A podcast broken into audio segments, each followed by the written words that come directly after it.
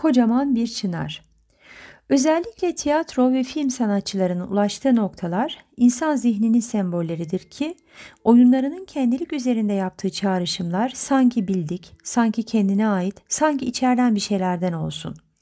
Rasim Öztekin de zihinlerde böyle vuruşlar yapan, gerçekliği harekete geçiren, insan düzenini değerler üzerinden tekrar kurulmasını sağlayan kıymetli bir sanatçıydı. Dili geçmiş zamanı kullanmak daha çok yapacağı işler olan bir sanatçının ardından ağır ve zor gelen duyguyu da beraberinde getiriyordu ama bugüne kadar kendi gerçekliğimize sundukları da azınma sanmayacak kadar fazla ve kıymetliydi.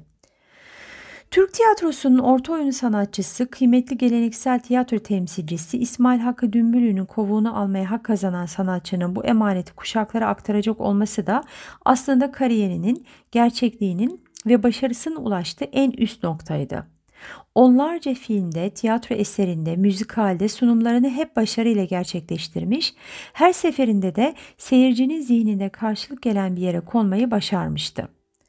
Onu anlatmak aslında film ya da dizilerinde kendisinde bir bakıma var etmiş olmasının konforunu da hissetmekle mümkündü.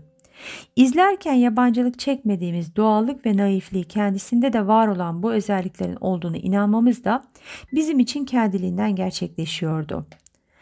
Mandıra Filozofu e, filminde e, sunduğu karakter çok güçlü ve zengin bir adamın karşılaştığı fakir ama varoluşsal kaygı taşımayan son derece mutlu bir kişiyle dostluğu bu modern ama zorlu dünyadaki hepimizin karşılaştığı kaygıları işaret etmesi bakımından anlamlıydı. Rasim Öztekin'in canlandırdığı Cavit'in çelişkileri, varoluşsal kaygıları, kendini nesneleşmiş hissetmesi ve aslında bazı yoksunlukların önce hiçliği anlatıp sonra varlığa ulaşmasını sergilemesi bakımından çok kıymetliydi. Kendimizde de bu sorguları bulmak, Cavit'e acırken bu koşturmalı dünyada aslında kendimizi acımak hissine yaklaşmamız da sanatçının o sıkışmışlığını seyirciye aktarabilmesindeki başarısıyla mümkün olmuştu. En son 80'ler dizisiyle nostaljinin içimizdeki ağrılı, sızılı bölgesinin mizahi yansıtmasının rolünün hakkını vererek bizleri tedavi etmeye başlamasını da her seferinde yüzümüzde gülümseme, kalbimizde özlemle izlerken gerçekleştirdik. Biz onun Fehmi karakteriyle yansıttığı o bildiğimiz ama tanımlamakta zorlandığımız baba dokunulmazlığını, gücünü, birleştiriciliğini onunla tekrar yaşama fırsatı bulduk. Fehmi karakterindeki asabilikleri, çırpınışları hem hep o koltuğunu koruma gayretini gözler önüne seriyordu hem de içindeki küçük çocuğun kaybetme korkularını ve gönlü geniş sevecenliğini değerleriyle birlikte sunan sembole de hizmet ediyordu.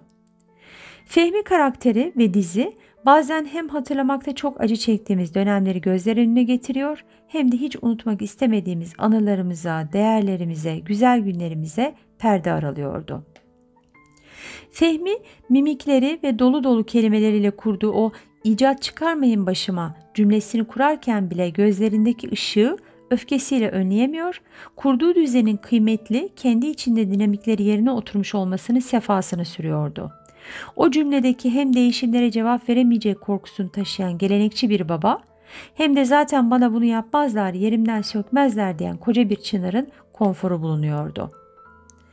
Birçok insanın e, yaralarını tedavi etmeye yarayan bu dizi Fehmi karakteriyle de o dönemin çocuklarının babalarıyla yüzleşmedeki sıkıntı ve kaygılarında sanatçı üzerinden bulmaları çok önemliydi.